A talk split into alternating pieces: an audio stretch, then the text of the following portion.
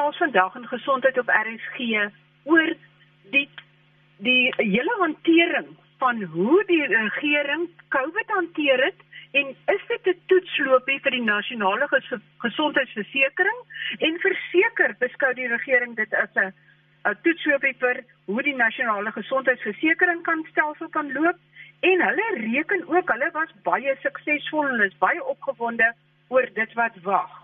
Maar ek moet nou sê hoekom is ons bekommerd daaroor of het vraagtekens daaroor? Want die regering besluit wat is ingeperk en wat is nie ingeperk nie. Wat is oop? Wat is nie oop nie? Luister hulle na die dokters en die wetenskaplikes? Hulle besluit watter middels in die staat beskikbaar is vir behandeling, selfs watter toetse in die staat en privaat sektor is vir behandeling, watter enstom wie moet kry en wanneer hulle moet kry en hoe hulle moet kry, maar hulle vra geld van die privaat sektor en die belastingbetaler.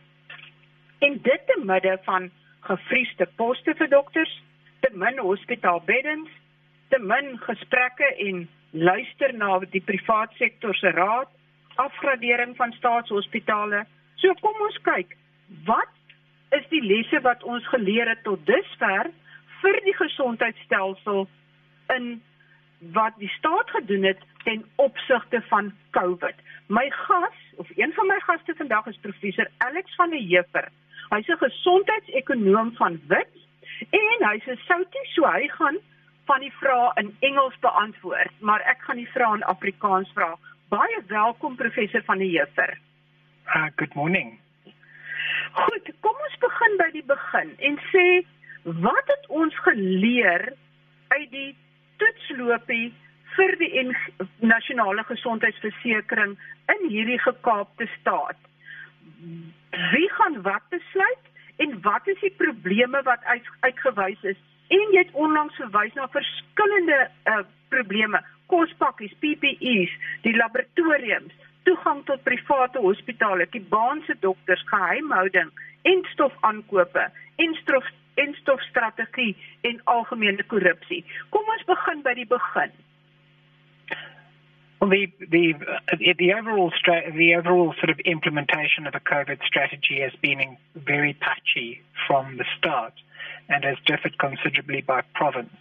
Uh, in in terms of the sort of the efficiency of delivery, uh, so the uh, I think uh, one of the one of the key problems has been um, the the, the, sort of very very unclear strategies and decision making that have often been sort of cloaked in secrecy that don't don't always make sense. And this is one of the problems that you have with uh, government overreach in uh, in many instances. So if governments basically start to make decisions that don't entirely make sense, and then they hide you uh, hide from the public the reasons for those decisions, then it's it's already suggestive of a problem.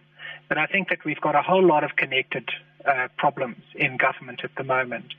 So when we look at something like state capture, for instance that that implies that we've got essentially private interests who've taken control of, of aspects of the state, and it means that we can't trust in the secrecy or the decision making of government uh, unless we uh, unless we scrutinize every detail of the decision. So under those circumstances, and and within the context of a state that has not been cleaned up um, we've, uh, I think that the, the whole way in which the COVID strategy has been carried out has big question marks over key decisions in, in, in, all the way through from March to the present period. Sal jy sê dat die sentralisering van besluitneming 'n groot probleem is saam met die geheimhouding?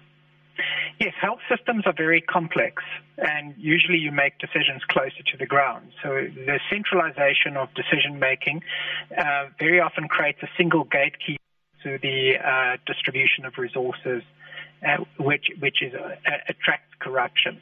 So we've seen in the PPE centralization of decision making within the provinces was clearly a problem there in that it, uh, in that in many cases uh, um, tenders were being allocated to uh, parties that were related to the uh, political actors within the province provinces, and uh, and that was immediate. I mean, it, it was a free for all, and it actually shows the depth to which the state structures have been um, have been weakened in this respect.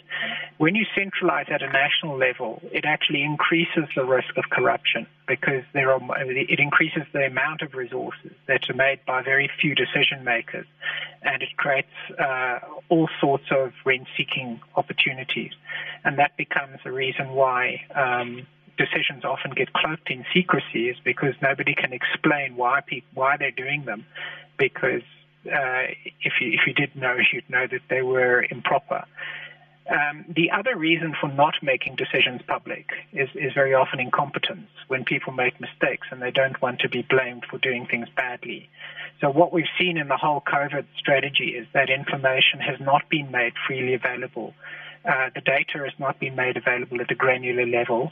There are not corrections to the reporting that come out for undercounts in the in the estimates, and very often government claims that it is doing better than it actually is on the basis of very poor, uh, very incomplete data that is being made public. And it's very difficult for people to check on the detail because it's not made available unless you're prepared to sign a non-disclosure agreement. Sjoe, dit is baie sorgwekkend dat dit eintlik so gemanipuleer word om die sentrale besluitnemers te bevoordeel. Luister hulle ooit na die raad wat die wetenskaplikes en die dokters gee, want daar is dan konsuis rade en raadgewende eh, dokters aangestel om te help met besluitneming. Maar baie van hulle het gesê niemand luister na hulle nie. Het die minister en die sentrale besluitnemingsmense het hulle werklik na die wetenskaplikes geluister? Well, uh, at the beginning of the Ministerial Advisory Committee was constituted of a number of uh, scientists, and what uh, was stated publicly that the decisions that were being made were based on science. Uh, use that loosely. Using a, a, committee of scientists doesn't really allow them to apply the scientific method to decisions. You're really taking advantage of their um, sort of deep knowledge to make reasonable judgment calls on what needs to be done next. And uh, in the way in which it was set up, they would write uh, advisories uh, to government. But the problem, certainly as far as uh, I've been able to understand, is that uh, the committees were not asked to comment on every decision that was being made. So when government was claiming that it's basing decisions on science, uh, by that meaning that they were deferred to a committee of scientists. Um, that was not true because, in fact, they hadn't even asked the committee to to uh, address those particular questions. So, for instance, on the different stages of the lockdown, for different regulations that were being considered, the advisory committees weren't even asked, and uh, decisions were being made therefore by somebody else for some other reason in some other way and were definitely not based on so-called science. As I pointed out, science in this instance is asking a, a, body of scientists who can apply their mind in a reasoned way to a particular issue. But as a consequence of that, a number of the uh, scientists actually went public, stating exactly what I've just said. And as a consequence, they were excluded from the future advisory committees. So they basically eliminated the people who actually went public to say there was a problem with the decision making. And uh, these were individuals who potentially couldn't be controlled by government because they're not directly, you know, you, if you're employed somewhere in, uh, in a government institution and you're a scientist, it means that if you say something that government doesn't like, they can they can get you within their government structure. But for those that are in uh, more independent positions, they can't be controlled in that way, and those are the ones who are excluded. So I think that that's a problem because it means that they've um, essentially sanitized the advisory committees to make sure that they can um, uh, uh, they've got advice that sort of uh, um, supports whatever decision they're making or won't complain if they're not asked to properly advise on an issue. So I think that's hugely problematic. Um, and I think that the problem then is that the advisory committees are used as a kind of uh, public relations exercise for decisions that have other agendas and I, and I think that those, I, I think that uh, given the magnitude of the decisions that needed to be made during this crisis, you just can't have that. And um, and the reasons for decisions were then not made public, and some and the advisories after a period of time were only made public after there were threats of uh, PAIA applications. uh, for some disclosure. So I think that they've been government has been far from forthcoming on what it's doing and why, um, and has favoured kind of um, talking publicly on things, which is not transparency. It's very often just PR. Appearing in front of a television camera and saying stuff is not transparency. Transparency is being required to answer hard questions on what you're doing and provide real information on why you've made particular decisions. And they've been uh, quite strenuous in avoiding that. Professor van der Heever, dit klink amper stalinisties. Soos 'n well, diktator wat voorskryf wat hy maak of hy luister. I think that this is a this is a temptation of all governments, and you know, in a democratic uh, constitution as we have, uh, we've got certain requirements for transparency. You, you kind of have to compel, you have to reduce government's power to hide information from the general public, because once that starts to happen, the government stops. Uh, um, working for uh, the country at large and starts working for hidden elites who are in a position to control government and that is we we're essentially seeing that certainly the whole state capture project was very much about that. It was not about providing goods and services for the general public. It was about um, a predatory uh, structures attaching themselves to government and, and siphoning funds out for themselves. And so the people stop being interested in providing public services and are far more interested in uh, enriching themselves. And that is the danger. State power is immense, and state power has to be controlled. And the way in which you control it is transparency and account and through accountability, uh, making sure that it is um, subordinate to the judiciary and the courts and to uh, judicial supervision, um, uh, as well as other forms of supervision so that people know what's going on, so that when they go to elections as well, they can also hold government and parties to account for how they've conducted themselves. Hiding information is used in order to, uh, in order to, uh, well, there's two reasons that I've mentioned before. It's either to do bad things, steal money from the state and not let you know about it, or alternatively, when you mess up, not letting anybody find out. Neither reason is good. Dankie professor van die Heever. Ek kom nou nou weer terug na jou toe en ek fokus nou op uh, Dr. Angelique Kutse. Sy's voorsitter van die Suid-Afrikaanse Mediese Vereniging. En Angelique, jy werk absoluut op die voorfront met pasiënte wat COVID het, maar ook kyk jy na die groter prentjie in Suid-Afrika. Wat is jou kommer oor staatsposte vir dokters en spesialiste en selfs vir verpleegkundiges wat gevries is? En kan jy bietjie meer inligting daaroor gee en oor jou kommer daaroor?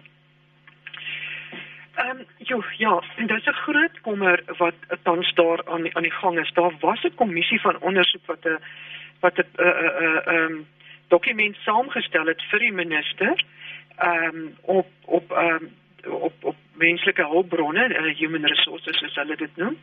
En die is nog nie geïmplementeer nie. Ek weet ons gebruik sekere van dit nou in die ehm um, presidensiële kompak so so werk ehm um, uh, uh, strome. Maar die die dit is nog nie amptelik aanvaar deur die minister nie. Daar is ook foute in daardie spesifieke dokument. Maar wat daai dokument vir eintlik ook uitgewys het is um, en en ek gaan net baie kortliks dit sê dat oor die laaste 20 jaar wat gebeur het is as daar nie as daar nie uh, as 'n dokter bedank het in die staatshospitaal dan word sy pos gevries en na 'n sekere aantal tye 'n uh, sekere tyd wat verloop het dan word hierdie pos sommer nou ongeldig verklaar dan vat hulle hom weg want dit lyk sleg op jou jaarlikse ehm um, rekord as jou departement 'n klomp poste het wat nie gevul is nie. So om daarby verby te kom, dan vat hulle dit weg en dan stuur hulle hulle nuwe ehm um, hierogram of hoe oh, nee hierogram dit klink omtrent soos hierogramme. Hulle nuwe lys nou ehm um, die ehm um, staat ander staatsdepartemente wat dit dan ehm um, dan in uh, goedkeur en dan word dit nou die poste. So soos die jare nou aangestap het, het die poste al minder geword en almal is baie dankbaar want die poste is nou baie minder en hulle hoef minder aan dokters te betaal. So jy moet nou een ding verstaan, as 'n provinsie moet besnoei, dan is dit baie gaan hy eerder die salaris van 'n dokter besnoei as wat hy die salaris van die skoonmaker gaan besnoei. want dit gaan vir hom meer geld inbring. So so met die jare het hulle dan nou geld op geld as hulle moes geld ergens besnoei het, het hulle dan poste weggevat. En hoe meer ons dan sê jy kan nie jy kan nie 'n hospitaal hardloop met te min dokters nie. Dit is dan die kwaliteit van uitkomste wat jy kry. Jy kry swak dienste en jy kry dan hoofsaaklik um, verpleegkundiges wat dan die pasiënte sien. Ons het ook 'n probleem gehad met met die ehm um, wat hulle noem 'n registered nurse en ons het gesien maar weet jy ons het ons het ons het 'n ehm um, eintlik verpleegkundiges nodig wat ehm um, wat a, wat as hulle in die afdeling werk en hulle moet pasiënte dan sien as eerste linie moet eintlik op 'n suster vlak wees.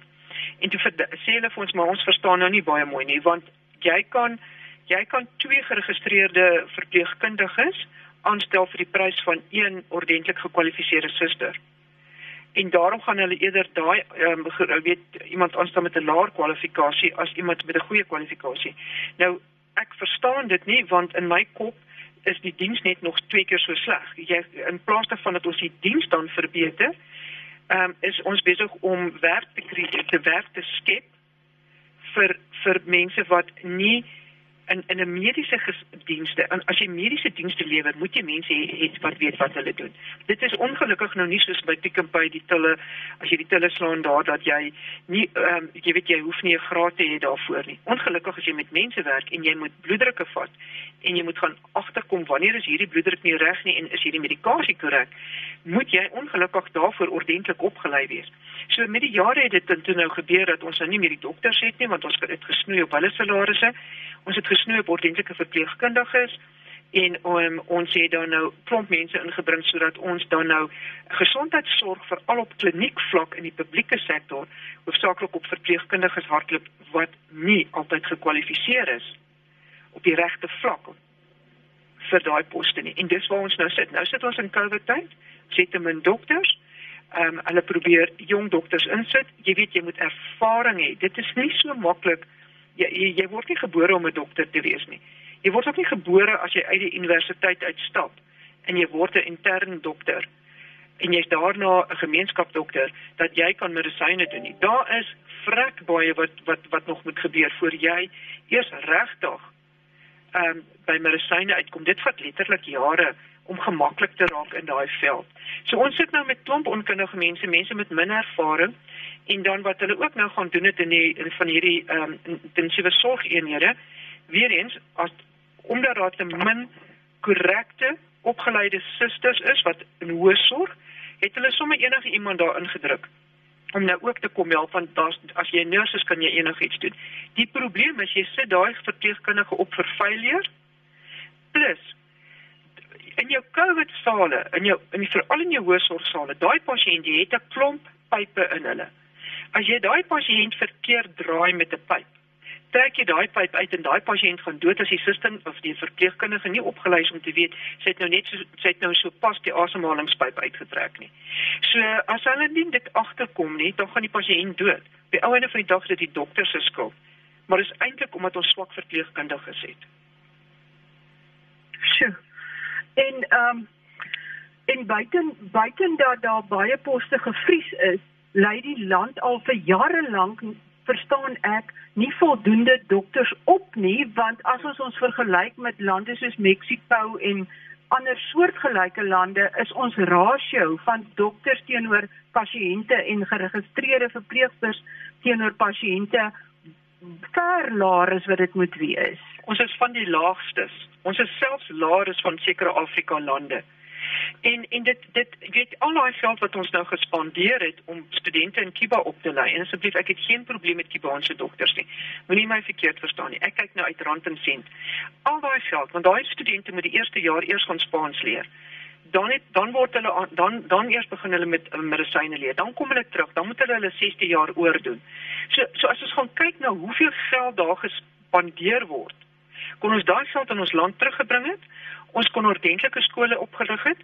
Ons kon ordentlike mense uit die privaat praktyk wat intussen die staat verlaat het of van, as gevolg van al die drama in die staat teruggebring het en gesê het lei ons studente op want dis 'n ander probleem. Daar's nie genoeg mense om hierdie studente op te lei nie. So ons kwaliteit van ons studente is regtig besig om af te gaan. Um, ek ek hoor dat ons het die room van die room wat gekies word vir medisyne. Maar ongelukkig is daar 'n ding soos hy moet prakties ook opgelei word. En as jy nie 'n onder toesig opgelei word nie, dan gaan jy sekere goed nie kan bymekaar bring nie. Jy gaan verkeerde goed doen en jy gaan op die ou einde in die hof beland of voor die mediese raad en net suiwer omdat ons nie ons geld teruggebring het in ons land nie. Ons het nie gaan spandeer dit waar ons moet nie en ons het nie genoeg studente wat um, ek ek is een van die voorstanders wat sê dit gaan nie net oor oor oor intelligensie nie dit gaan oor emosionele IQ ook. Ons moet gaan kyk na dokters uh, of of voornemende studente het hulle die emosionele IQ om met mense te werk? Want om met mense te werk het jy hare op jou tande nodig. Dis nie elke ou wat briljant is wat met mense kan werk nie. En dit help nie ons het ook 'n klomp professors en ons het nie genoeg mense wat die pasiënt op die grond kan sien nie. So dit is 'n uh, dit is baie probleme wat hier uitgewys word. Ek wil net soort van dit ons kan afsluit. Uh professor van der Heever, wat sou jy sê wag vir ons as ons in hierdie omstandighede voortgaan met 'n nasionale gesondheidsversekeringsstelsel. Is dit enigstens haalbaar? En gaan daai geld wat in daai fonds gestort word nie ook maar net gesteel word nie? Yeah, so I think there are two questions there. The one is feasibility, um, and the one is uh, whether or not it, it becomes a vehicle for, for more corruption. Um, on the feasibility front, I mean, I would assess feasibility of, of national health insurance on sort of two fronts. One is the coherence of the institutional framework itself, assuming uh, you uh, that there's sort of a proper motive behind it, and the second is the for the fiscal feasibility. So on the institutional front, it proposes to centralize a whole lot of decision making that typically in health systems are decentralized. So it creates a hierarchical relationship that uh, between much of the health system and decision makers is set right at the top.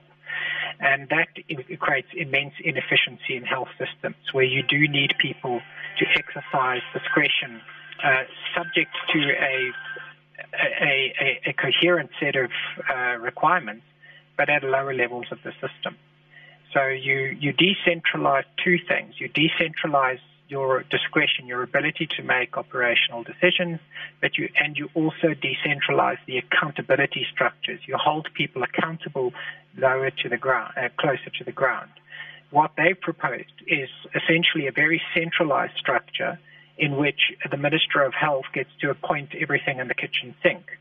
So there you have a concentration of an ability to appoint people, to procure, and to license. Those three areas, which are the points of corruption in all state institutions and anybody, any structure, any company, any arrangement that is created. That's what people target if they want to steal money. So they're not only centralized decisions at an inefficient level, but they also centralize decisions in a way that makes it a target for corruption. So that part of the institutional model uh, will fail. The, um, the fiscal feasibility comes in when they basically say they want to substitute what you're currently contributing to medical schemes. They effectively want to draw that in through taxes and put that into a central fund and then buy everything for you as well as for everybody that the state was buying for in the past. When you start to do the numbers, the whole model falls apart.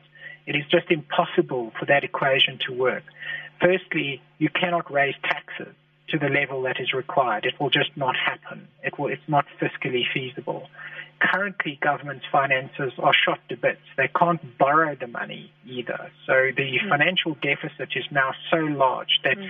uh, there's a seven year uh, period in which government has to try and reduce the accumulated debt of government and keep it below 100% of GDP. And a country like us should be probably at about sort of 30 to 40% of GDP at most we we've gone up progressively from sort of 40 to 50 to 60 percent, and then we have COVID, and it's taken us to to over 80 to heading toward 90 percent of GDP now, and it's projected to go to over 100 percent of GDP in the next three years if we don't manage the wage bill in government. So this creates a real problem. The fiscal side of government is shot to bits, and uh, we and it's unclear when we will be out of it. So for, that's for the foreseeable future, and by the foreseeable future, I mean beyond three years. It's um, seven, eight, nine years. There's a huge uncertainty on South Africa's fiscal position. So on those two, the institutional and the fiscal side, it is just inconceivable to talk about national health insurance. It's just crazy. Uh, so, uh, so I think that firstly, the model itself um, raises all sorts of questions around the purposes, the intention. Because when you create a structure like this with political appointments, um, it actually suggests that you intend to steal using the structure and the powers that it has been allocated. Government, as I pointed out, has immense powers. If you don't create proper accountability structures, the system does fail. Public systems and public structures can work, but they have to be designed to be accountable. This is a structure that is designed not to be accountable. And just to point out, when people say, oh, well, we've got other public structures that exist, right now the ANC can't even discipline its own members. So you've got people like Ace Magashule who should have stepped aside, and the ANC is talking about being able to clean house. You've got the president, the former president of the country, saying um, uh, the only reason he's being pursued against is because some faction of the ANC is using the machinery of the state against him. All of those things are arguments around how there's been uh, manipulation of state structures by a political party, and the ANC itself is admitting that it manipulates the state. So we can't, under those conditions, concentrate power more when the accountability aspects of the state are are, substan- are, are basically incomplete. And uh, we we have a way to go before we've sorted out the problems of the last 20 years, before we start adding new dimensions of problems to the state. Baie baie dankie professor van der Heever. Dit is 'n donker prentjie en ek hoop ons kan uitkom. Angelique, letterlik in 'n sinnetjie jou laaste woorde.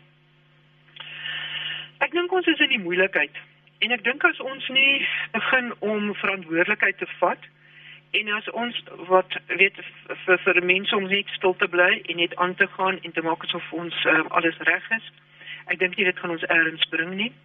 Ongelukkig as mens uitpraat of ehm um, geneig is om jou sê te sê wat jy dink die korrekte ding is, dan word jy ehm um, ook uh, baie keer geteken om te sê maar ons wil nie met daai persoon saamwerk nie want jy weet hulle is net moeilikheidmakers. Dink ons moet daar verby beweeg, ons moet gaan kyk wat wat wat is die die die die die die, die, die probleem, die probleem aanspreek en nie die persoon aanspreek nie. Baie baie dankie. My gaste was professor Alex van der Heever en uh, Dr. Angelique Kutse en skakel gerus volgende week weer in vir gesondheid op RSG.